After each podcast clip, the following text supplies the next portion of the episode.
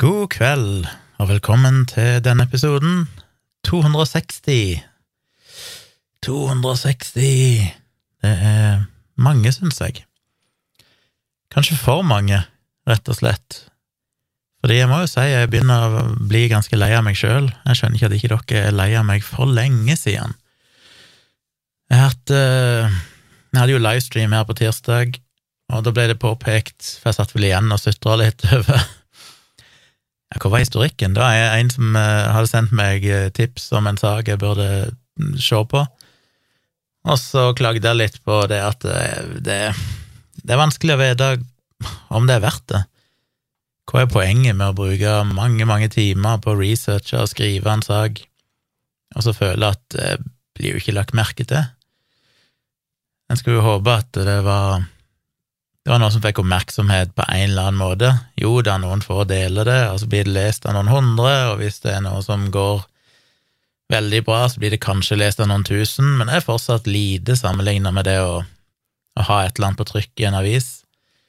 Men så er jeg jo ikke noe fan av å ha ting på trykk i avis, fordi at det blir så overfladisk og ender bare opp omtrent som at jeg mener dette.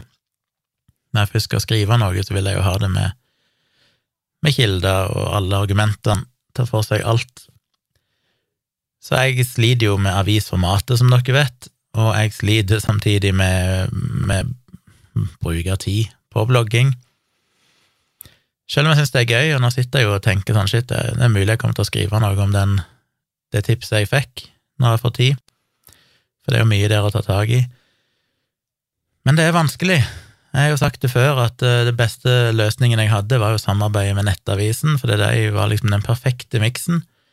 De lenka direkte til min blogg, heller enn at jeg måtte skrive en sånn utvanna versjon for avisen og samtidig så fronta de det på sin nettavis på forsida, så jeg fikk masse trafikk, mange som leste det. Fikk titusenvis av visninger på de fleste bloggpostene, og, og satte litt sånn agenda i en del tilfeller eh, i samfunnsdebatten, og det, da føles det ut som det er verdt det. Da er det liksom verdt å bruke tid på det, for det er noe som folk får med seg, det endrer folks oppfatning. Men å skrive bruke så mye tid på, på tekster som relativt få leser, fordi eneste måten å spre det på, det er å poste det på Facebook og poste det på Twitter og håpe at noen ser det. Og det er ikke så effektivt, så vi får se. Jeg sliter litt med det, og jeg sliter litt med Mulig jeg gjør for mye. Jeg har jo min egen livestream hver tirsdag. Vi har jo en livestream sammen med Tone på fredager. Jeg har jo Virkelig grusom-podkasten. Jeg har to episoder av denne podkasten. Og så lager jeg jo tidvis en video i ny og ne. Så jeg blir lei av meg sjøl. Jeg eh, får ekstremt eh, imposter syndrome. Så til de grader. Jeg sitter og har livestream, og etterpå så har jeg liksom bare full angst, fordi jeg tenker herregud, så mye dumt jeg sa. Og begynner å tenke tilbake igjen på at jeg har sittet og og synsa om ting som jeg bare tenker det var jo helt feil, og får panikk for at jeg burde ikke si noen ting, jeg burde ikke mene noen ting, jeg er jo ikke kvalifisert til å mene noen ting om noe som helst. Så av og til så tenker jeg kanskje jeg må redusere, jeg får se hva jeg gjør. Og det spiser jo mye tid, fordi det er jo ikke spesielt inntektsbringende å drive med livestream og sånn. Egentlig ikke video heller, men det er iallfall potensialet, for da kan du i det minste bygge deg opp en følgerskare. På livestream så er det jo de samme 50 personene som ser måned etter måned, Uh, og det er jo superhyggelig at uh, noen av de velger å gi meg en superchat eller kjøpe meg en virtuell kaffe. Og det blir jo noen kroner, det, men det er klart det er jo, blir jo mer symbolsk. Jeg setter utrolig pris på at noen i det hele tatt gidder å kaste noen kroner i min retning. Men det er jo ikke noe som, som gjør at oi, dette er en inntekt. Dette er inntektsgivende, dette er noe jeg kan forsvare og bruke tid på. Så jeg gjør det jo fordi jeg syns det er gøy, men som jeg har sagt tidligere, så er det jo veldig ofte at jeg sitter igjen med en dårlig følelse etterpå, fordi jeg føler at jeg sa altfor mye dumt, og. For jeg er så merkelig skrudd sammen. For dårlig samvittighet fordi at folk ser på meg, selv om det er fullstendig frivillig for alle å velge å gjøre det. Um,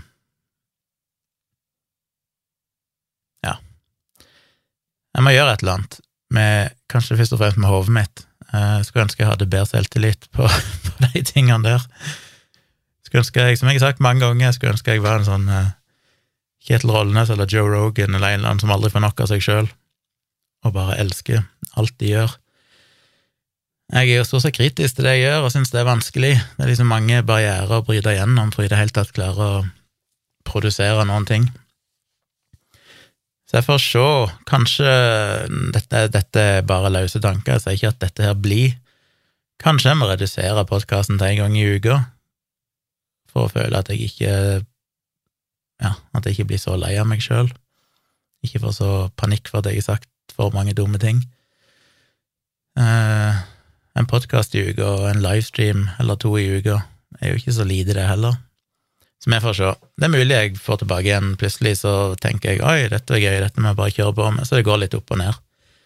Men det var litt tungt i det siste å motivere seg for å Eller egentlig ikke motivere seg, jeg gjenger jo stort sett til disse tingene med optimisme. Det er mer bare etterpå jeg får en sånn downer.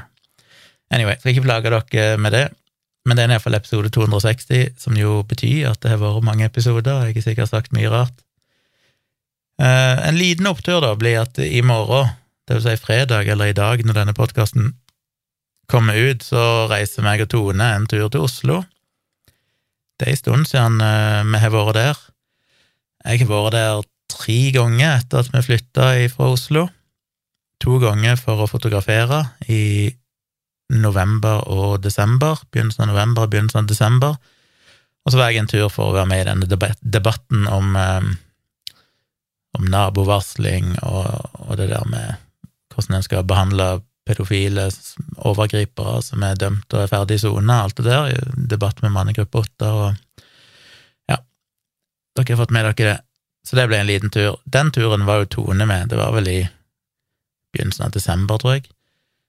Eh, men de to fototurene de var alene. Så det er lenge siden Tone har vært der. Og det er jo lenge siden jeg har vært der òg nå, fordi i, november, nei, i januar så ble det jo ikke noe fotografering på grunn av at restaurantene jeg fotograferer, de måtte jo stenge på grunn av skjenkestopp og sånn. Men nå gjenåpner jo de, eller har de gjenåpna. Så da blir det vel fotografering igjen i februar, og det gleder jeg meg veldig til. Pluss at jeg har fått en ny restaurantkunde, så da blir det tre restauranter jeg skal fotografere. Og jeg håper jeg får flere, skulle gjerne hatt dobbelt så mange, så jeg jobber jo med saken. Kjenner dere noen som driver restaurant, kafé, bakeri, spisested, eller bare en bedrift som ønsker bilder av aktiviteter, ansatte, hva det måtte være, tips de. Be de ta en kikk på foto.tjomli.com og kikke på porteføljen min, bildene mine, se om de liker det de ser, og, ta kontakt. Trenger flere oppdrag. Men eh, tre restauranter er bra i denne omgang, så det blir gøy å ha en ekstra å jobbe med. Så det blir en tur igjen i begynnelsen av eh, februar, og da skal vel Tone være med òg, for der to skal inn og få seg en tatovering. En stor tatovering på ryggen, er det vel, hvis jeg husker rett. Den eneste plassen omtrent hun ikke er tatovering, det er vel ryggen og magen. Det vil si hun har øverst på magen nå, det var vel den siste, nei, nest siste tatoveringen hun fikk, den var vel rett opp under puppene. Men liksom rundt uh, navlen og selve magemagen, så er jo ingenting, og ikke på ryggen. Men det fyller seg jo opp, så nå skal ryggen til pers. Da er det ikke mye bar hud igjen.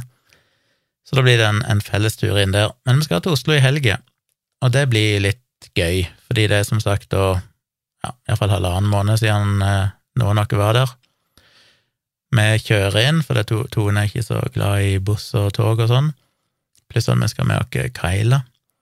Ennå ikke helt funnet barnevakt til Kyla her i byen.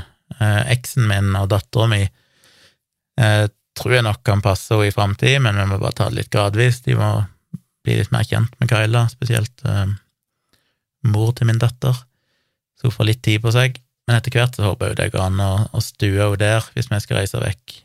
Det er litt tungvint å ha henne med. Det blir fort dyrere, vi må jo betale ekstra på alle hoteller sånn for å ha hund, pluss at det begrenser veldig hvilke hoteller som tillater dyr, kjæledyr. Og så, eh, så, begrenser dere jo litt med tanke på at vi kan ikke bare stikke ut på kvelden på en restaurant, fordi vi må passe Kyla vi må følge med på henne.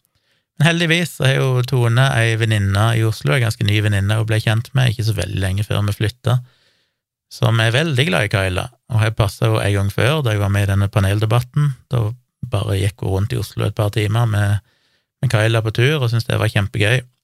Og denne gangen skal hun ta henne med seg hjem, tror jeg, og passe henne litt, fordi meg og Tone vi skal på standup-show med Dag, blant annet, og flere andre på Latter. Eh, jeg tror det er flere, det er jo flere som skal opptre. Det er ikke sånn eget Dag-show, men eh, Dag er en av de. Så han er fiksa oss eh, billetter, gratisbilletter. Så da blir det vel en, en, time eller to der, og så skal vi ut etterpå. Eller sette dere et eller annet sted. Kanskje det blir på Latter, kanskje vi går ut en annen plass, jeg vet ikke. Men bare henge litt med Dag, ta kanskje en drink eller to, og mimre litt og prate. Det er jo en stund siden vi møtte han nå. Så det gleder vi oss til.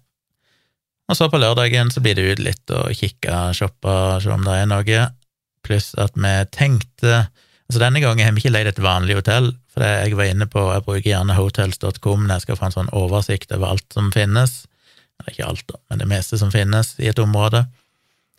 Hvis jeg bare skal reise inn på hotell, så pleier jeg å booke Thon hotell, for det har jeg liksom vært Thon member i alle år, og ettersom jeg har hatt mye reising med foredrag og jobb og sånn, så har det vært greit å, å bare bruke Thon, samle poeng og alt dette her. Men Thon er jo relativt dyre. Eh, i forhold til det du får. Det er jo shabby hoteller, det er ikke spesielt stas, og allikevel så koster det ja, en grei pris. Eller en ugrei pris, skal jeg kanskje si. Og det er veldig få av de som tillater hund. Og så er det det med bilen som er et dilemma. Hva gjør vi av bilen når vi er i Oslo? Eh, vi har jo noen sånne muligheter. Vi kan parkere hos foreldrene Tone i Asker, og så ta toget fra Asker og inn til Oslo. Det er litt tungvint. Eh, selv om det er jo fullt overkommelig. Vi vet jo der oppe vi bodde før, på Haugenstua, så er det jo en del plasser du kan parkere gratis. Så en mulighet er å kjøre opp der og parkere, altså bare ta toget der, det er jo bare et kvarter inn til sentrum. Så det finnes jo noen sånne muligheter, og der finnes ikke andre plasser, selv om jeg ikke har fått sjekka det ut. Men jeg tok bare et søk på, på hotels.com og kryssa av for kjæledyrvennlig og parkering inkludert.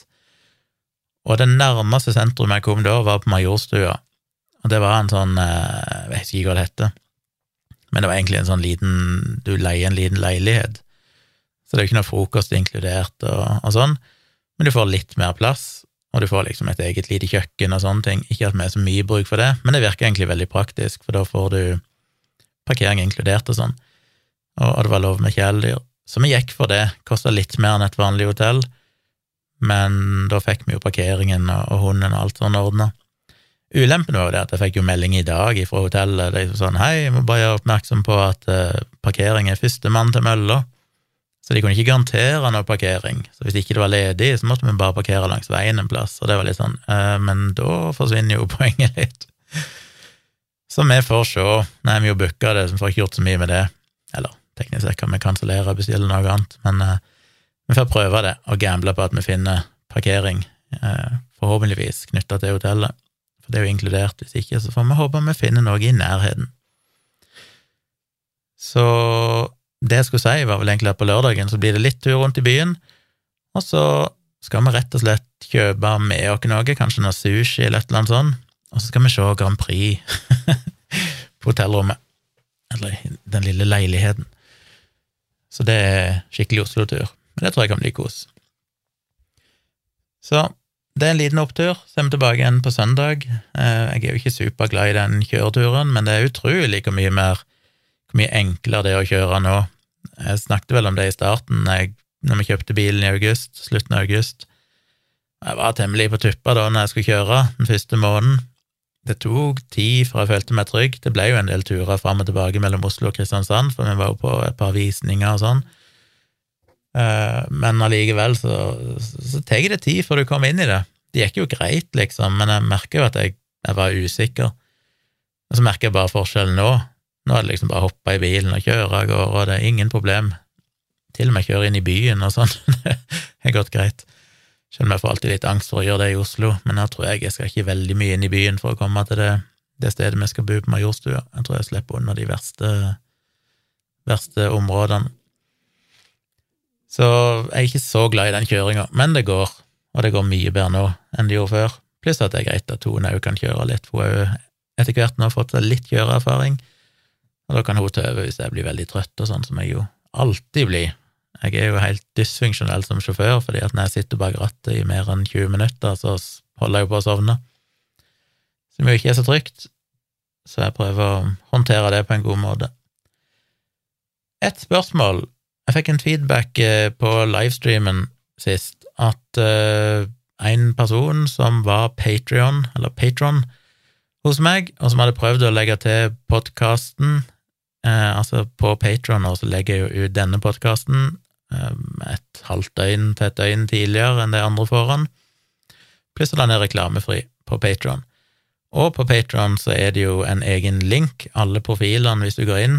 Jeg posta en sånn bruksanvisning som ligger en av de siste postene inn på Patron, der det står hvordan du skal gjøre det. Du går inn på profilen din, og så et eller annet sted så finner du en, en link, og den er jo bare din.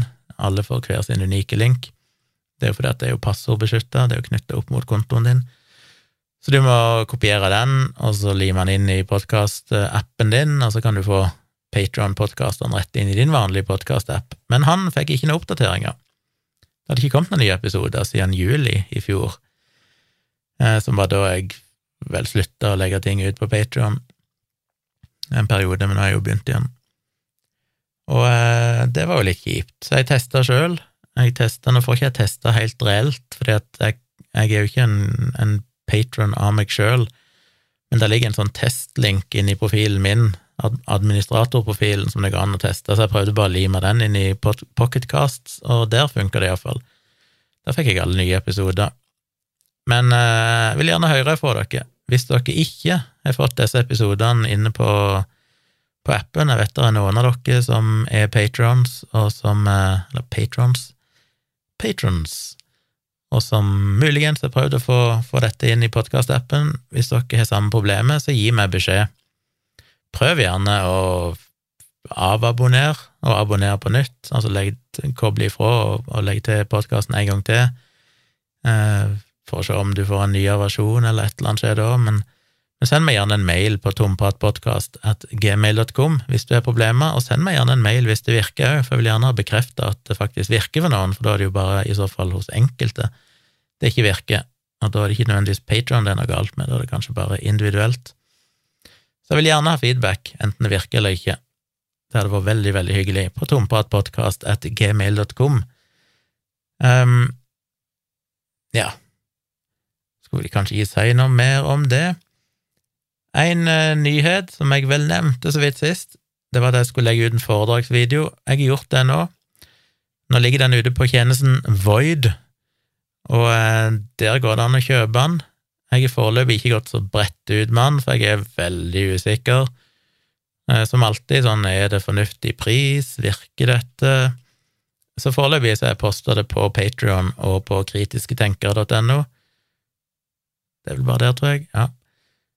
Eh, så der ligger det en post der det står, ligger link til der du kan komme inn på sida mi. Jeg skal legge det i beskrivelsen av denne podkasten òg, sånn at dere kan klikke i description her på podkasten hvis dere har lyst til å sjekke den ut.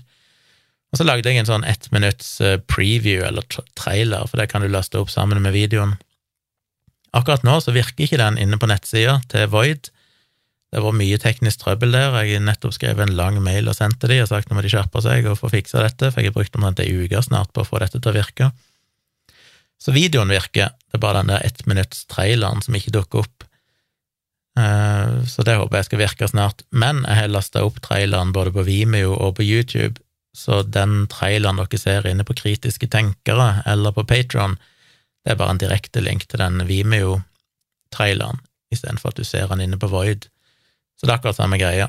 Så du kan alltid se den traileren inne på, på Vimeo, nei, inne på eh, Kritiske tenkere, eller Patron, eller Vimeo òg, ligger for så vidt der òg, og jeg har jo posta den på YouTube, bare sånn ett minutt lang video der jeg bare har klippet eh, noen sekunder fra her og der i foredraget mitt, bare for å gi et lite inntrykk av hva det kan handle om, eller hva det handler om. Og inne på YouTube òg så ligger det jo en link i beskrivelsen der det står hvor dere kan kjøpe hele foredraget. Det er jo et foredrag om kritisk tenking, det varer i en og en halv time. Jeg har prisa det til 249 kroner. Er det fornuftig? Aner ikke. Jeg prøvde å tenke hva, hva kan en ta for et uh, Hvis noen skulle kommet og hørt meg på et foredrag? Jeg tror ikke jeg hadde tatt 249 kroner, men til gjengjeld så er jo dette noe du får, kan se hvor mange ganger du vil, kan se hvor lenge du vil. Jeg tenker jeg kan ta litt mer enn en vanlig billett, eh, inngangsbillett. Um, jeg vet ikke, jeg prøvde meg iallfall på det, så får vi se. Jeg håper det høres noenlunde fornuftig ut. Det er jo halvannen times video i 4K med masse nyttig informasjon. Jeg holdt jo et sånt Jeg holdt vel det samme foredraget live inne på Patron for eh, et drøyt år siden, og det ligger også tilgjengelig for de som er Tjommi M og L inne på Patron, ikke Tjommi S, altså det billigste nivået, men på de to øverste, og for VIP-medlemmer inne på Kritiske tenker så ligger jo den timeslange videoen. Men den er jo litt utdatert nå, så denne nye versjonen er jo en halvtime lenger, tror jeg. Jeg tror den bare varte én time sist og er iallfall oppdatert med noen nye eksempler fra pandemien og vaksiner og sånne ting. Så, eh, så jeg tror den er verdt å se, selv om dere eventuelt skulle ha sett den gratisversjonen som ligger ute for medlemmer på Patron og kritiske tenkere. Og grunnen til at jeg har gjort det, er jo fordi at jeg hele tida får meldinger sånn 'Øy, kommer du her og holder foredrag snart?' 'Øy, har du vært her?' Og jeg kan jo ikke komme og holde foredrag hvis ikke noen booker meg. Det er jo ikke opp til meg, det er ikke jeg som arrangerer et foredrag et eller annet sted. Det er jo noen som eh, bestiller meg og betaler meg for det. Så hvis dere vil ha et live-foredrag, så må dere nesten snakke med noen i lokalmiljøet og sjekke om det er noen som vil arrangere det. Bibliotek, bedrift, eh, organisasjon, skole, et eller annet sånt. Men det er jo ikke mulig å reise rundt overalt, så da tenkte jeg det å bare spille inn videoen i god kvalitet, så kan jeg nå ut til alle, uansett hvor du måtte bo hen. Så alle dere som har hatt lyst til å se meg holde foredrag, men ikke hatt muligheten, Eh, dere kan jo da gå inn på, på denne tjenesten og kjøpe. Så dere finner posten inne på kritisketenkere.no. Hvis ikke, hvis han ikke dukker opp uh, umiddelbart, så bare bruk søkefeltet og søk på foredrag eller kritisk tenkning eller et eller annet sånt, så finner dere nok den posten og linken. Men jeg legger den jo som sagt, i beskrivelsen på denne podkastepisoden. Eh, så da kan du ta en kikk på traileren, og så kan du gå inn og kjøpe, det kan du betale på flere måter, inklusiv VIPS. så det går an å bare vippse, visstnok, via denne Void-tjenesten, og så får du tilgang til videoen for alltid. Det eneste forbeholdet er jo at det er en personlig video. Jeg vil si, han heter personlig bruk, så det er ikke sånn at folk kan gå inn og kjøpe han til 249 kroner, og så arrangere visning for hele bedriften eller hele kollegiet på en eh, skole eller et eller annet sånt. I de tilfellene så ønsker jeg jo, så er det jo en egen pris, for ellers så utkonkurrerer jeg jo totalt mine egne foredrag, holdt jeg på å si. Så jeg vil jo fortsatt uh, kunne reise ut til bedrifter, organisasjoner og sånn, og holde foredrag, og ta en annen pris for det. Uh, men du kan, hvis du er bedrift eller organisasjon eller sånn, og vil kjøpe videoen, så går det an, men da må han ta kontakt og få en egen pris for han. For hvis han skal vises til mange i sånn bedriftssammenheng eller skolesammenheng, så er det egne priser som gjelder. Men hvis du bare kjøper den til personlig bruk, for å se alene eller med kjæresten din eller familien hjemme, så kan du kjøpe den til 249 der inne. Håper det er noe dere får lyst til. Jeg fikk eh, jeg skal ta én skikkelig ting her, på å si, og det var en, eh, en, mail jeg fikk fra en som heter Cato, Cato med C, som først skrev en melding til meg inne på Instagram, og som jeg har sagt mange ganger, jeg setter veldig pris på alle meldinger jeg får, men det er alltid litt vanskelig å få de på Instagram og Twitter, DM og sånne ting, fordi jeg mister oversikten. Eh, jeg leser den, og så, hvis ikke jeg kan ta tak i det akkurat der og da, som jeg veldig sjelden kan, så blir han fort glemt vekk. Så send det for all del heller på tompratpodkast at gmail.com, for da ligger det i innboksen min. Da blir det alltid lest, det blir ikke oversett, og jeg eh, kan ta tak i det hvis jeg syns det passer. Så jeg svarte han på Instagram og bare sa hei, kan du være så snill å sende han på mail til meg heller? Så det gjorde han, og det var en sak om eh, mindfulness, fordi inne på psykologisk.no, så publiserte de her en eller annen gang tidligere i denne måneden, ja, for noen få dager siden, så publiserte de en artikkel som heter Mindfulness utenfor helsetjenestene virker ikke, ifølge stor forskningsgjennomgang. Og det er jo for så vidt ikke noe nytt for de som har fulgt litt med. Han Cato, han sier at uh, ja, han har noe uh, greier han sliter med, skal ikke gi inn i detaljer, men han følte at mindfulness redda han etter å ha prøvd mange medisiner, sånn som ikke hjalp han. Og så blir han jo da skeptisk, selvfølgelig, når det er sånn du leser at nei, mindfulness virker ikke. Så hva er bakgrunnen her?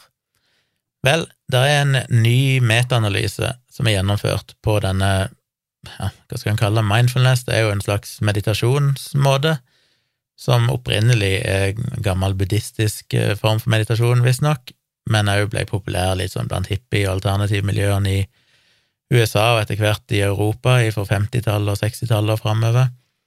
Og de siste ti årene, iallfall, så har det vært mye om mindfulness. Det har vært veldig populært, veldig trendy. Jeg har hørt litt mindre om det de siste årene, men for en sju-åtte år siden så var det veldig mye, og mindfulness var liksom redningen for alt. Alt var mindfulness.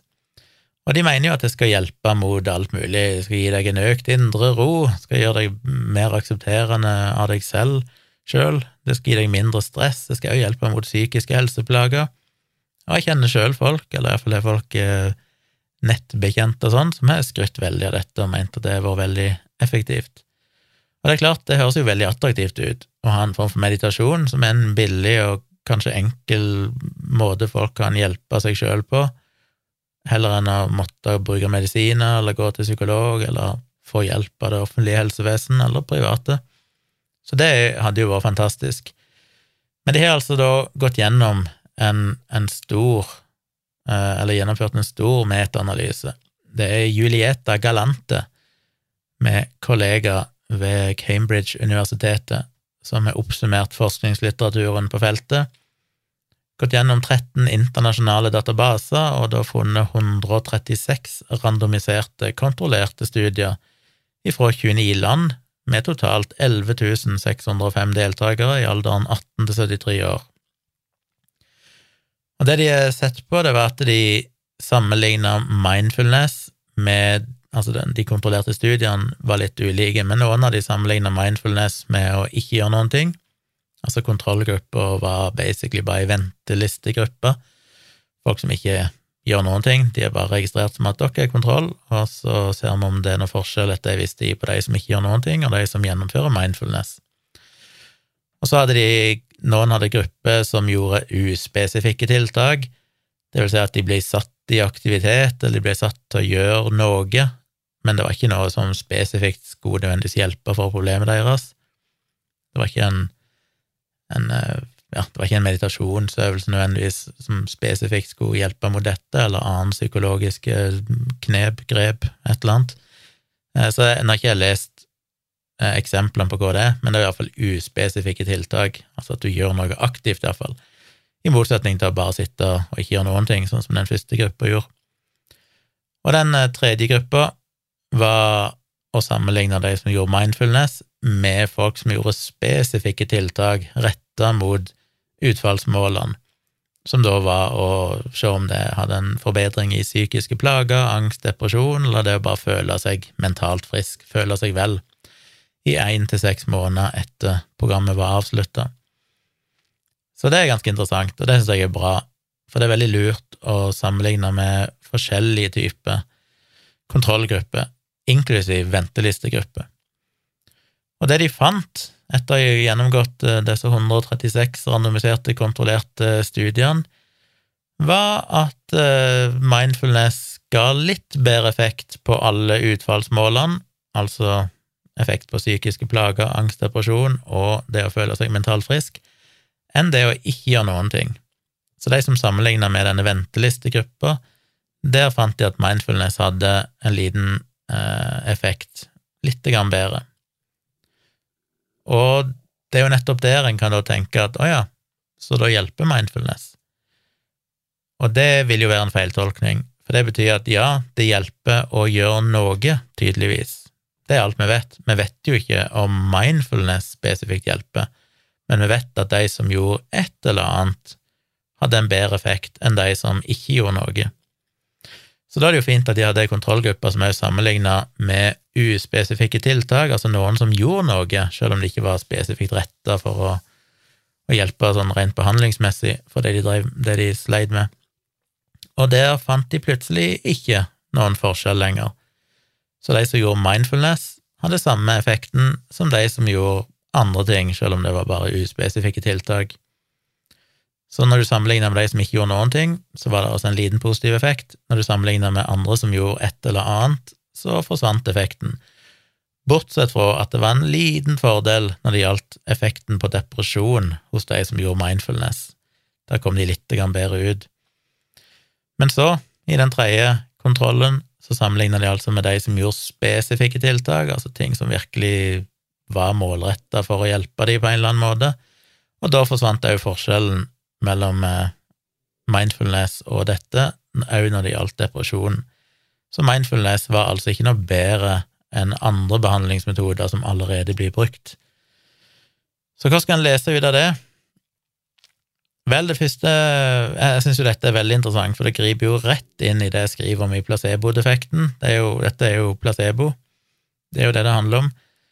Og da er det alltid viktig å kontrollere mot forskjellige typer eh, kontrollgrupper, eller forskjellige alternativer. Så når du sammenligner med de som ikke gjør noen ting, så finner du at mindfulness virker, men det er jo nettopp da en ikke vet om du egentlig bare måler placebo. Måler du bare at noen opplever en bedring hvis de gjør noe som de tror skal hjelpe, eller som de har fått beskjed om skal hjelpe? Og da er det interessant at de sammenligner òg med de som gjør noe faktisk annet enn akkurat mindfulness, men de gjør noe, og finner ut at da forsvinner effekten. Så kan det jo være da at effekten som de gjør i den andre gruppa, i kontrollgruppa, da er òg bare placeboeffekt, muligens, fordi det var jo ikke spesifikke tiltak, de bare gjorde et eller annet, eh, men de opplevde en bedring, så det tyder jo på at det å gjøre noe gir en placeboeffekt. Eh, og når du sammenligner da med de som faktisk gjorde noe spesifikt, noe som virkelig skulle hjelpe, så var iallfall ikke mindfulness noe bedre. Så kan det selvfølgelig være da at eh, de spesifikke metodene som blir brukt, kanskje òg i stor grad er placebo, og det er jo problemet med mye av psykologisk eller psykisk behandling, psykologisk behandling, er jo at det ofte er vanskelig å eliminere muligheten for at dette bare er placebo, eh, placeboeffekt. Så kan jeg da stille spørsmålet ja, men ikke det er godt nok, da? Og det har vel et helt kapittel om i placebo-defekten. Det er jo det evige spørsmålet, sånn ja vel, men så lenge de føler seg bedre, er det ikke godt nok? Og det vet jeg ikke om jeg kan svare på her i denne podkasten, det skriver jeg mye om, for det er et komplekst spørsmål. I noen tilfeller så vil jeg si jo, det er greit nok, er det placebo og du føler deg bedre, så for all del, be my guest. I andre tilfeller så er det definitivt ikke greit, for eksempel hvis du ja, gir en pasient eh, henvise til røntgen, eller gi dem antibiotika mot en virusinfeksjon, eller Det er mange ting der det er reelle skadevirkninger knytta til det at pasienten allikevel kan føle en placeboeffekt og føle seg bedre, men det er fortsatt ikke forsvarlig. Eh, og så er det mer, mer nyansert enn det òg, fordi at vi kan òg si at til og med ufarlige ting, gi noen sukkerpiller, gi de homopatiske piller, er det farlig hvis de føler seg bedre? Kanskje ikke hvis det kommer fra en homopat, med mindre de faktisk da ikke får behandling for noe de burde fått effektiv behandling mot. Men hvis en lege gjør det, bare fordi at de mener at pasienten er en hypokonder eller et eller annet og bare vil liksom roe de ned, så er jo det med på å bryte den kontrakten mellom lege og pasient om at du forventer du skal få noe som faktisk virker når du er hos legen. Eh, selv om du kanskje opplever at det virker, så er ikke det godt nok, for den effekten er som regel veldig upålitelig og kortvarig. Eh, ikke alltid kortvarig, men upålitelig. Placeboeffekt er ikke sånn at hvis noen opplever placebo, så er det plutselig fullgod medisin. Nei, for det er bare noen få som regel som opplever den placeboeffekten. En liten andel, så det er en veldig dårlig behandling å gi. De som opplever det, de vil være fornøyd, men de fleste vil egentlig ikke ha noen placeboeffekt og vil da ikke være så veldig fornøyde. Men det gjør jo da at hvis du oppdager at dette her bare er placebo, så vil du bli veldig skeptisk til hva legen din egentlig driver med, og det kan gjøre at du neste gang du får medisin som faktisk er effektiv og viktig, la oss si du får blodtrykksmedisin, så er du kanskje dårligere til å ta deg til faste tidspunkter og så ofte ja, etter det, den rutinen du skal ta de, fordi du er litt skeptisk til om dette faktisk er reelle greier, og ja, du er skeptisk til effekten. Så det har vi sett, og det skriver jeg eksempler på i, i placebo-defekten, at det har noe med Det påvirker Jeg skal ikke navnet på det, det er et eget begrep, men iallfall hvor flinke folk er til å faktisk ta de medisinene de skal ta. Så det er fryktelig uheldig hvis en begynner å mistenke leger rundt forbi for å skrive ut placebo, fordi da kan en fort bare ditche tablettene for å tenke, hvis ikke du merker en umiddelbar effekt, så er det bare sånn at dette gidder jeg ikke ta, det er sikkert ikke noe å stole på. Så det er veldig farlig. Så det er, det er komplekst, det er mange forskjellige grunner til at det er problematisk med placebo. Eh, der det ikke er så problematisk, er vel kanskje hvis det er mer sånn uspesifikke smerter. Du har jo alle disse her som uh, sliter med, med, kroniske smerter, og som mener for eksempel at det å røyke cannabis hjelper veldig, og så er jo egentlig evidensen for det veldig dårlig. Uh, du har den her Sativa, er det den heter? Jeg har ikke sjekka det akkurat nå, men denne sprayen som blir brukt, som det egentlig er veldig dårlig evidens for effekt for. Det er nesten rart at det er blitt godkjent i det hele tatt. Men disse folkene sverger jo til det. Og da er det sånn, ja ja, kanskje det er sånn at det hjelper akkurat noen folk veldig godt, selv om en generelt sett i disse studiene ikke finner en veldig god effekt, og det er mange svakheter. Eh, så, så kanskje. Eh, men det kan jo være at det bare er placeboeffekt. Og en av grunnene til at det er mye som tyder på at det er placeboeffekt, som er veldig interessant, det er at i denne metaanalysen så fant de ut at mindfulness virka best utenfor USA. Og dette skriver jeg òg om i placebo-defekten, fordi placebo er så avhengig av forventninger. Det er jo i praksis en forventningseffekt. Sånn at i land der det for eksempel har vært mye reklame på TV for en eller annen medisin eh, som er lov å selge reseptfri, og så vil gjerne den medisinen har mye bedre effekt i sånne kontrollerte studier enn en hel land der folk flest ikke har hørt om medisinen før. Så hvis du får eh, reklame stadig vekk for eh, Paracet, og det liksom var the shit for diverse smerter, så vil du nok kanskje oppleve det som en mer effektiv medisin enn hvis du ikke hadde hørt om Paracet før, ikke ante noen ting om det, hadde ingen forventninger til det. Og det samme ser han her at mindfulness virker best utenfor USA, fordi mindfulness har eksistert lengst i USA. Der har det vært en greie siden 50-60-tallet. Eh, hypen rundt mindfulness har egentlig forsvunnet i USA for ganske lenge siden. Mens i Europa så er det fortsatt en del hype rundt mindfulness. Det er fortsatt noe som er nytt og fancy og skal hjelpe mot alt mulig rart.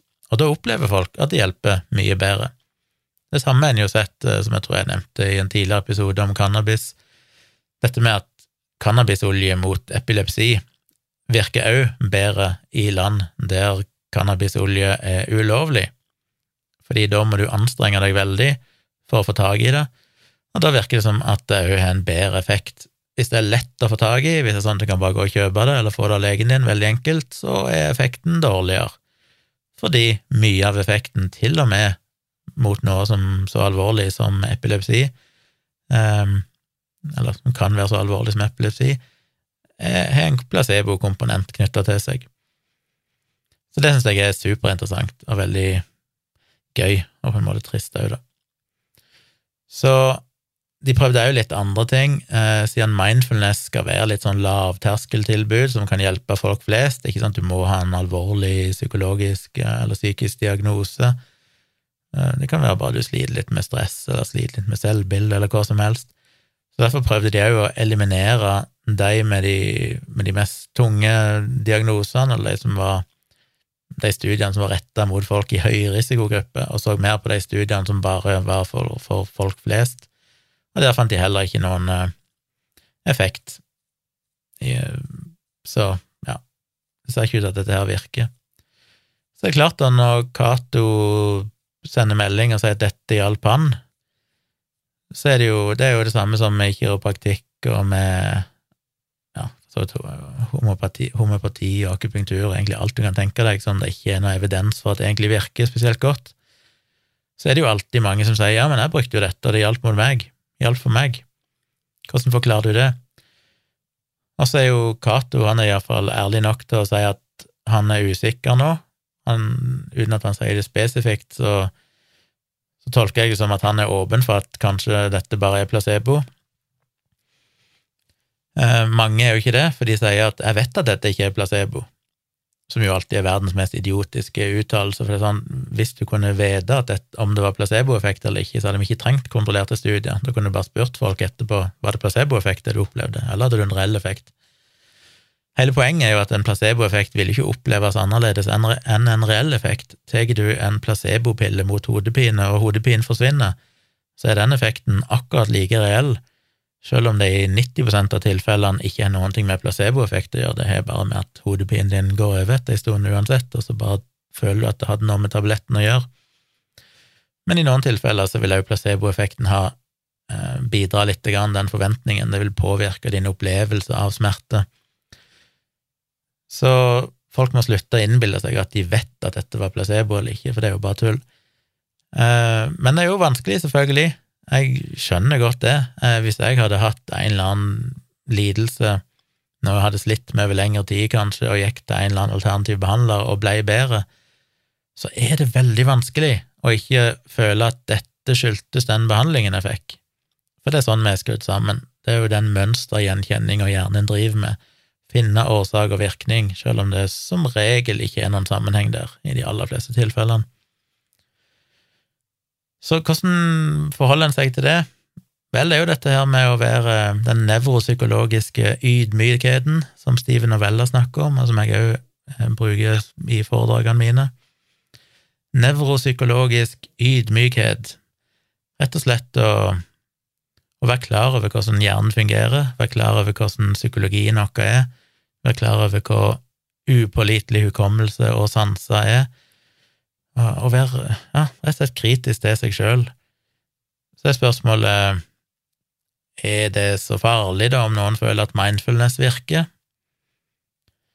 Det kommer jo litt an på. Hvis du betaler mye penger for å gå på et kurs for mindfulness, og du kunne fått samme effekten av å sette deg ned og løse et puslespill eller spille dataspill eller gå deg en tur, så vil jeg jo si ja, da er det jo skadelig.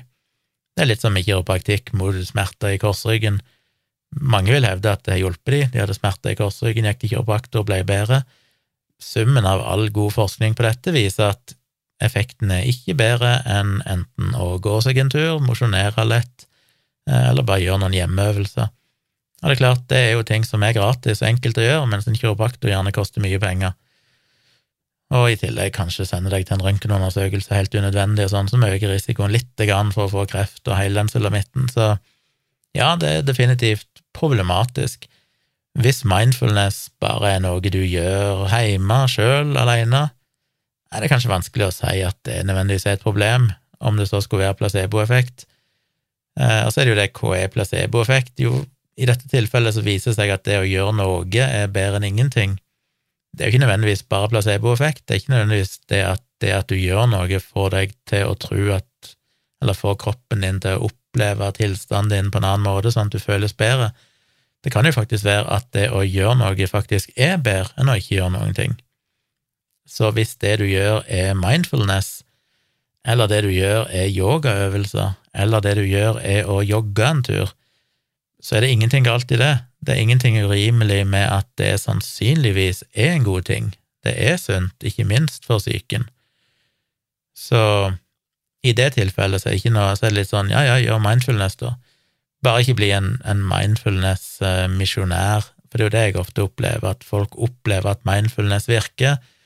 Mye tyder som sagt på at det gjør det egentlig ikke, men så blir de sånn hellig overbevist om at dette er kuren for alt, og dette hjelper deg, og dette må alle begynne med.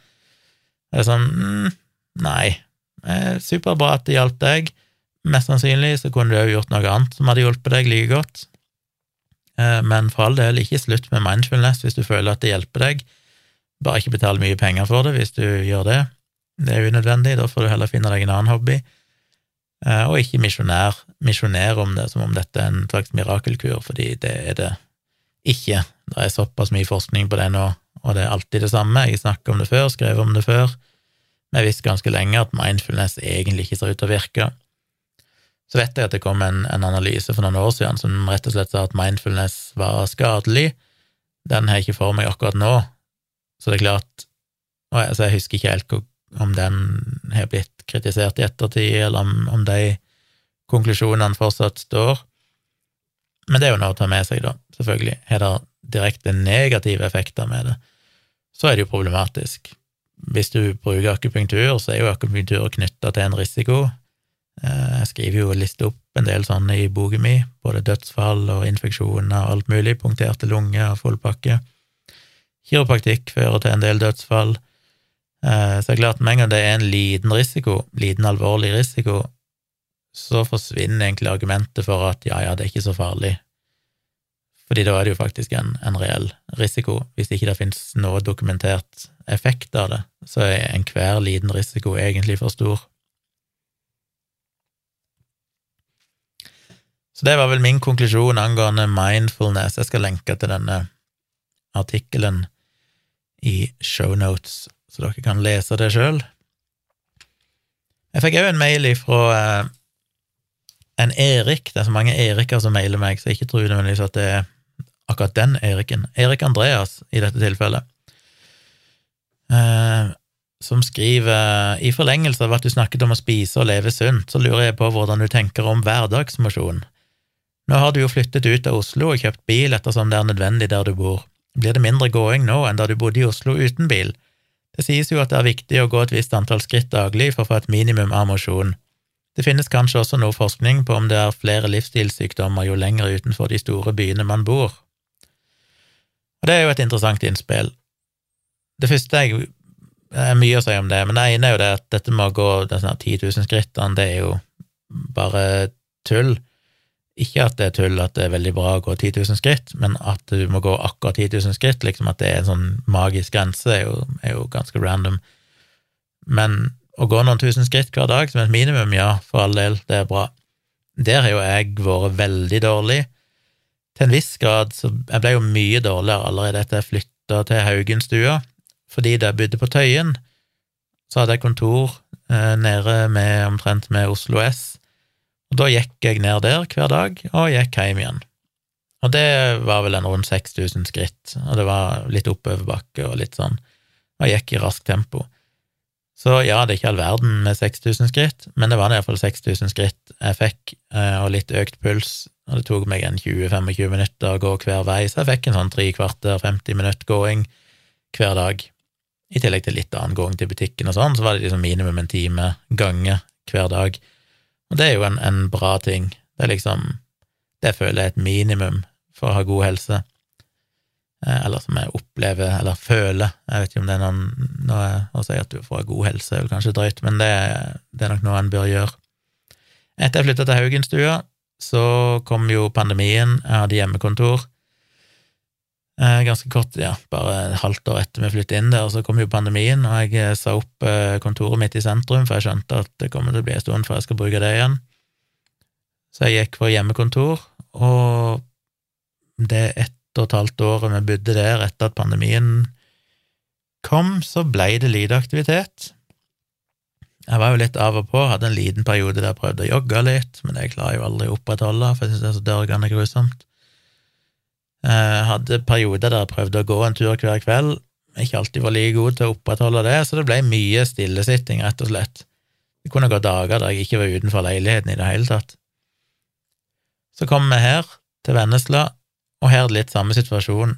Her eh, har jeg ikke noe kontor å gå til, og jeg er dårlig til å bare gå en tur for å gå en tur. Jeg liker egentlig å gjøre det. Når jeg først gjør det, så føler jeg meg vel, men det er alltid litt for mange ting jeg skulle ha gjort hjemme. Jeg sliter alltid med å motivere meg til at jo, nå kan jeg stikke av en time. Sånn, nei, nå, nå må jeg gjøre et eller annet. Nå, hvis jeg først har den ledige tida, så har jeg lyst til å, å, jobbe med et eller annet, eller se et eller annet på TV, eller ja, det er alltid et eller annet jeg heller vil gjøre. Og så er det ekstra vanskelig nå om vinteren, fordi jeg sitter og jobber på dagen når det er lys, og når jeg da kommer ut på ettermiddag og kveld og har tid til at nå kan jeg liksom gå ifra datamaskinen, så er det fuckings mørkt ute. Og det er bare så stusslig å, å, gå en lang tur i mørket, av en eller annen grunn. Egentlig litt rart, for jeg, på sommeren så liker jeg det, når det er varmt ute, men sånn på vinteren, å gå ute i mørket på vinteren, det syns jeg ikke er noe særlig. Så jeg sliter virkelig med årstidene, og sliter med å, å motivere meg. Men jeg er veldig klar over, og Erik Andreas har et veldig godt poeng, at uh, det ville nok gjort mye. Jeg er tenkt på det i månedsvis, gått med dårlig samvittighet og bare tenkt at jeg er nødt til å ta meg sammen. Jeg må finne en eller annen rutine på å gå noen tusen skritt hver dag. Jeg sitter fryktelig mye stille her, det er ikke bra i det hele tatt. Jeg har bil, men akkurat her med bu så er ikke det så mye å si, i den forstand at det hadde ikke vært aktuelt å egentlig gå de plassene vi bruker bil, det ville vært for langt, og det er ingen plass, eh, utenom ett unntak som jeg skal komme til, å gå til eh, der du ikke må bruke bil, på en måte. Så ja, bil er jo sånn sett en uting på en måte, for du kan fort bli vant med å hoppe i bilen uansett. Akkurat her vi bor nå, så er det ikke nødvendigvis noe sånn enten-eller. Men jeg vet jo det, for der jeg bodde før, på Tonstad, så er det jo sånn at du gjerne du, Uansett hvor du skulle, så hoppet du i bilen. Og der føltes jo som at det å gå fra der vi bodde og ut i butikken, det var helt utenkelig. Mens så gikk jo mye lenger enn det hver eneste dag, fram og tilbake til jobb i Oslo. I Oslo så får du et helt annet perspektiv på avstander og og det å gå, for da er det liksom sånn Gå en plass som tar en halvtime, så er det helt naturlig at ja, det gjør en jo selvfølgelig. Når du bor på bygda, så er det sånn skal en halvtime unna, så hopper du i bilen, for det tar jo bare to minutter. Uh, så ja, det, det, er bare en helt annen mentalitet, og det er ganske mye å si. Men det er jo denne her berømmelige kafeen som vi liker så godt her på Vennesla, som heter Fabriken, Artisan Fabriken, på Hunsfoss. Og den ligger bare en sånn 25 minutters gange ifra her. Det er omtrent den avstanden jeg gikk til kontoret mitt hver dag.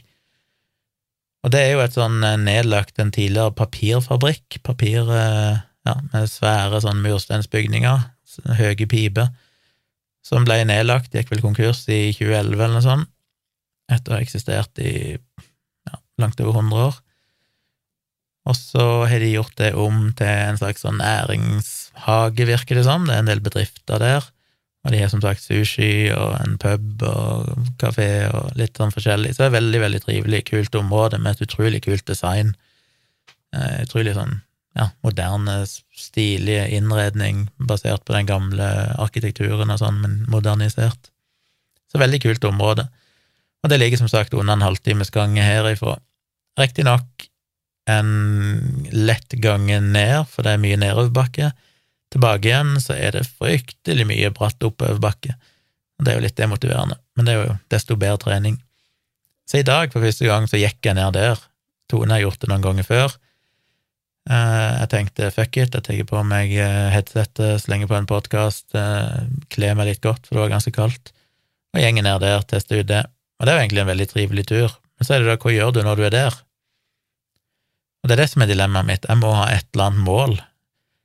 Så da har jeg litt, lurt litt på kanskje jeg skal prøve å gå ned der hver dag og ta med laptopen og sitte og jeg bare jobbe litt der, og så gå hjem igjen. Det er litt kjipt, for jeg jobber mye dårligere på laptopen, for det er en knøttliten 13-tommers skjerm og ikke så effektivt når du skal programmere og sånne ting. Men det går kanskje en liten periode. For jeg har ikke gjort så mye annet på den laptopen, så er det vanskelig å Den er ikke god nok skjerm og sånn, og, og kapasitet til å redigere bilder eller video og sånn, men, men akkurat skriving og, og, sånne ting kan jeg gjøre der, og programmering. Men derfor så har jeg rett og slett gått til det skrittet i dag å bestille meg en ny Macbook Pro M1 Max. Eh, de nye Macbook Pro-ene, 16-tommers-versjonen, jeg venta lenge. De ble jo lansert i høst. Var veldig usikker. Usikker på størrelsen. Skal jeg ha 14 eller 16? 14 er jo alltid mye mer praktisk, litt lettere, lettere å dra med seg i en ryggsekk. Men jeg sliter alltid med små skjermer på bærbare, jeg trenger alltid mye plass, så jeg gikk for 16-tommer. Og jeg gikk for en ganske kraftig modell, fordi jeg trenger mest mulig ytelse når jeg redigerer bilder og video og sånn. Så det Ja. det gleder jeg meg til.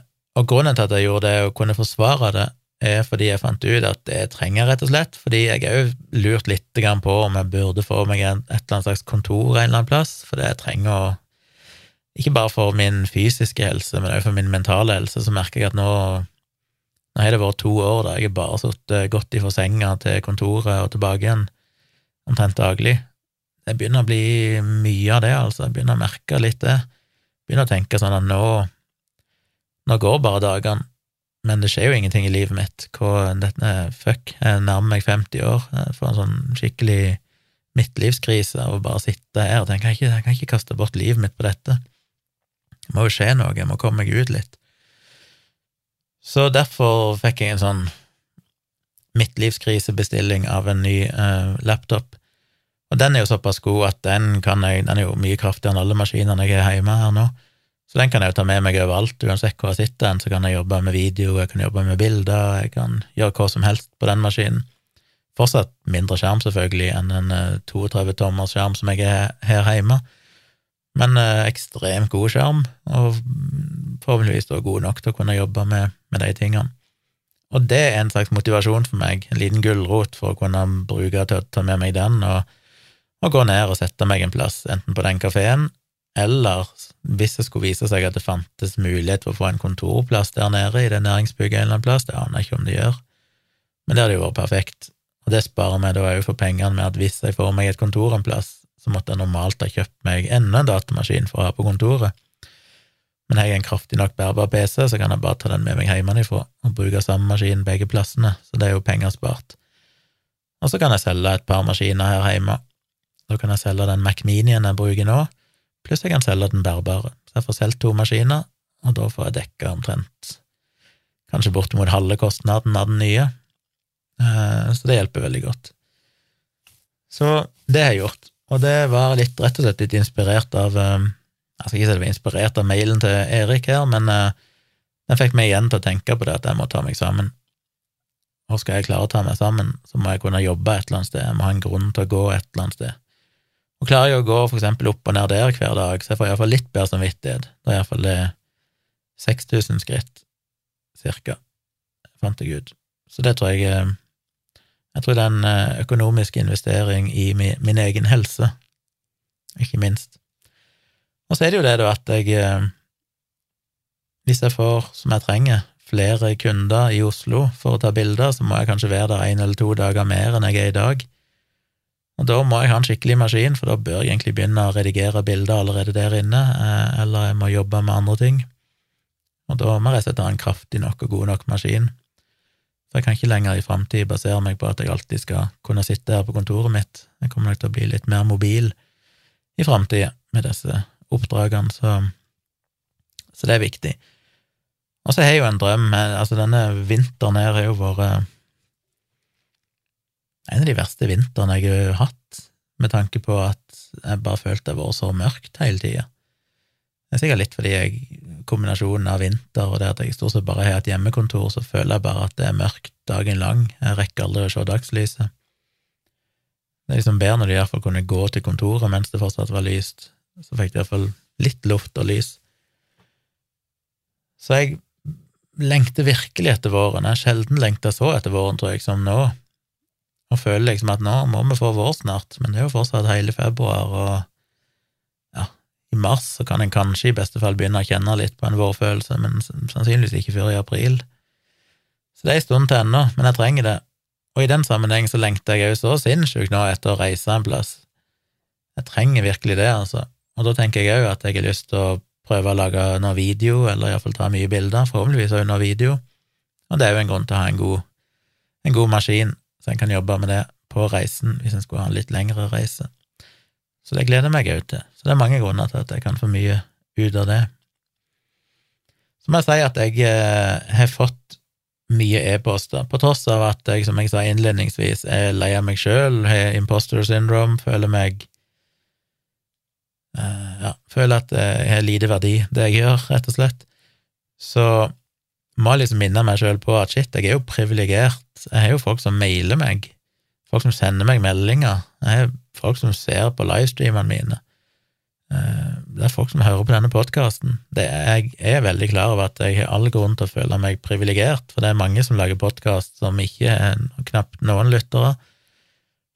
Det at folk engasjerer seg så mye at de sender meg mail med hyggelige tilbakemeldinger og spørsmål og sånn, det er jo et stort privilegium, så jeg er veldig takknemlig for det, men det er bare fort gjort å glemme det, fordi jeg blir så fokusert på det jeg sjøl driver med, og føler ikke det er godt nok, og føler at det ja, alt det jeg snakket om, og da kan jeg fort overta litt for blir av og til litt vanskelig å heve blikket og virkelig ta inn over seg at jeg må jo skjønne det at det er jo, det er jo veldig fint at folk faktisk engasjerer seg i det jeg driver med, selv om det føles som at det selvfølgelig er en liten, snever gruppe av nerder som bryr seg, men det er jo mine favorittfolk, så jeg må jo være takknemlig for det. Så jeg må jo bare si at jeg er veldig dårlig til å svare på mail. Jeg har fått en del mail de siste ukene. Jeg har lest de ikke bare én gang, men ofte flere ganger, og så tenker jeg hva skal jeg svare på dette? Jeg har fått en del mailer etter jeg lagde disse autismevideoene, blant annet, og den om slanking. Uh, og det er jo superhyggelige mailer, men jeg vet ikke hva jeg skal svare på de. Og jeg vet egentlig ikke om folk forventer at jeg svarer, for det er ikke nødvendigvis noe spørsmål, det er bare noen som har noe på hjertet. Og så er det sånn, skal jeg bare svare takk for mailen, eller noe sånt?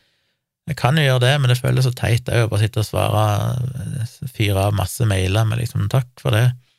Så jeg tror ikke jeg kommer til å svare, hvis dere skulle høre på denne podkasten, så vit at det blir lest, at jeg setter veldig pris på det, men det er ikke alle mailer som egner seg for svar, og da er jeg ikke så flink til å bare sende sånn jallasvar bare for å svare. Eh, så vet dere det. Jeg er veldig glad for den feedbacken jeg får. Jeg tror det var alt jeg hadde å si i denne episoden. Jeg skal avslutte med å komme med et par anbefalinger. Først og fremst eh, fritanke.no medlemsavisen til Human-Etisk Forbund, som for øvrig kjører på Newsflow-plattformen som jeg har laga og mitt firma leverer. Så den nettavisen på fri tanke er det jeg som har designa og programmert, og så den kan dere jo nyte for alt den er verdt. Eh, det er mitt eh, livsverk de siste ti årene, å lage den publiseringsløsningen som blir brukt av Fri Tanke og mange andre nettaviser og lokalaviser.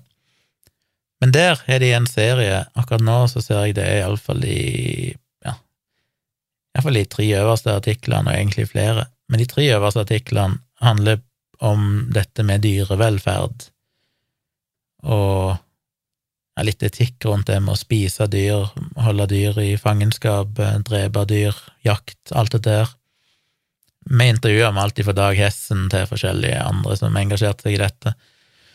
Jeg syns det er jo verdt å lese, ehm, så jeg vil virkelig anbefale å bare gå inn på fritanke.no og klikke dere inn på de artiklene. Jeg skal ikke lenke til alle, jeg bare nevner fritanke.no, dere trenger ikke å ha en link til det. Det er ett ord, fritanke.no.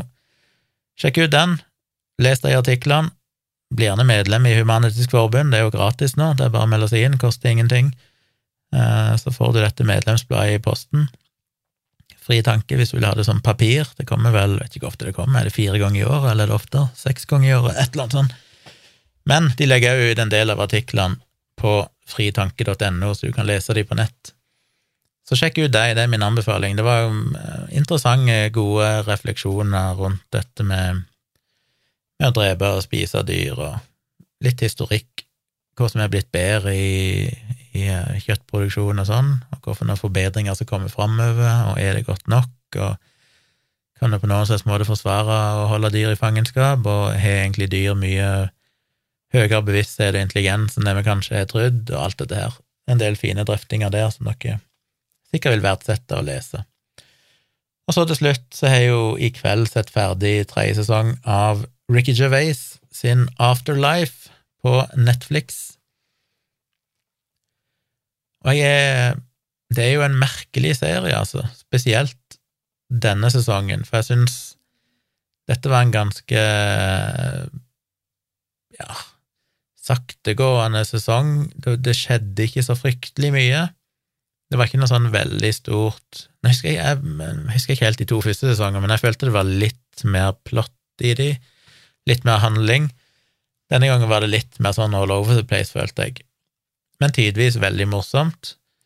Ehm, det er jo Altså, han hovedpersonen der er jo på mange måter Ricky Gervais. Eh, han har jo skrevet seg sjøl inn i den rollen. altså Han bruker jo den karakteren til å si mye av det som han åpenbart liker å si, enten det handler om religion eller overtro og vitenskap og sånn, og det er jo selvfølgelig ting som skeptikere digger, vi er jo enig i det. Det føles av og til litt sånn close to home. Det hadde nesten vært bedre om han spilte en person som helt åpenbart ikke var Ricky Gervais, men akkurat her så føles det litt som at ah, dette har vi jo hørt mange ganger før fra Ricky Gervais, enten det er i standup-show eller intervjuer og sånne ting, så det, det, blir nesten litt sånn kleint av og til at han må bruke det som en plattform, selv om jeg er helt enig i de tingene, og det er morsomt og det er smart og sånn, så det er en, en minor ting. Men det er en rar serie, fordi fuck, altså, han er så Han treffer meg jo så i the feels som han vil gjøre hos de fleste. Det er vanskelig å ikke grine når du ser den serien, selv om det er tidvis så banalt. Det er sånn, dette her er jo så klisjé, på en måte. Her sitter han jo bare og trekker i alle de trådene han med gjennom hele forteller, menneskets historie som fortellere vet at du skal trekke i for å få folk til å føle noe. Og så funker det allikevel. Jeg tror det funker jeg tror det funker fordi at karakterene er så vanlige. Det er ikke flotte Hollywood-figurer. Altså, hadde du hatt noen flotte Hollywood-skuespillere som, som spilte der, så hadde det nok blitt veldig sånn åh, dette her var en klisjé. Men det er et eller annet med når du gjør det samme med mennesker som er på ingen selvs måte fotomodeller, og eh, har ganske ufyselig, ufyselig personlighet av mange av de og alt det der, og så allikevel så, så finner de ikke ærligheten på de mest banale måter, og sånn, så er det bare rørende. Så ja, jeg syns nok kanskje det var den dårligste sesongen, men fortsatt mer enn verdt å se, og engelske serier, i motsetning til amerikanske, er jo som regel bare seks episoder i en sesong. Amerikanske er jo gjerne 12 eller 18 eller et eller annet sånt. Så det er jo bare, jeg tror det var seks episoder. Så det er jo relativt fort gjort å se, hvis du vil se det, og det er rørende, og det er tidvis veldig morsomt, men eh, det er vanskelig å ikke felle noen tårer når du ser på det. Spesielt siste episoden ble jo veldig rørende, så merkelig nok, egentlig. Så jeg anbefaler den på Netflix, sjekk ut den. Det var vel det jeg hadde for i dag. Det blir altså ikke noen ærlig talt i kveld, altså fredag kveld, fordi meg og Tone reiser vekk. Eh, men jeg er vel tilbake igjen med podkast over helge, på eh, tirsdag. Kanskje en livestream, hvis jeg har funnet tilbake igjen selvtilliten innen da. Kanskje det skjer noe positivt på Oslo-turen som gjør at jeg tenker at shit, kanskje jeg har noe å si, kanskje det er verdt å bruke tid på det. Får sjå. Inntil videre så er jeg iallfall veldig takknemlig for at dere hører på. Send mail til tompratpodkast.gmail.com. Husk at dere kan gå inn og sjekke linken i denne under her, under podkasten, holdt jeg på å si, eh, til Void, og gjerne kjøpe foredraget av meg. Det hadde jeg satt veldig pris på. Det ligger mye arbeid bak eh, å lage sånn, et sånt foredrag, og det å spille det inn og redigere videoen Jeg har jo lagt på alt av jeg sa vel litt om det sist. Jeg har gjort mye med den videoen. Så veldig kult om dere ønsker å, å eh, kjøpe den det hadde jeg satt veldig pris på. Og ellers, bli gjerne Patron. Gå inn på patron.com slash tjomli. Da får dere jo denne podkasten før de andre, og uten reklame, og dere får òg mye annet snacks. Eller du kan bli VIP-medlem inne på kritisketenkere.no, som er omtrent det samme, bare minus at du får denne podkasten. Du får ikke denne podkasten tidlig, fordi det forumet støtter ikke det, men det gjør Patron. Så sånn sett er jo Patron å anbefale for dere som hører på podkasten. Det var vel alt. Vi høres igjen snart. Ha ei veldig god helg inntil videre.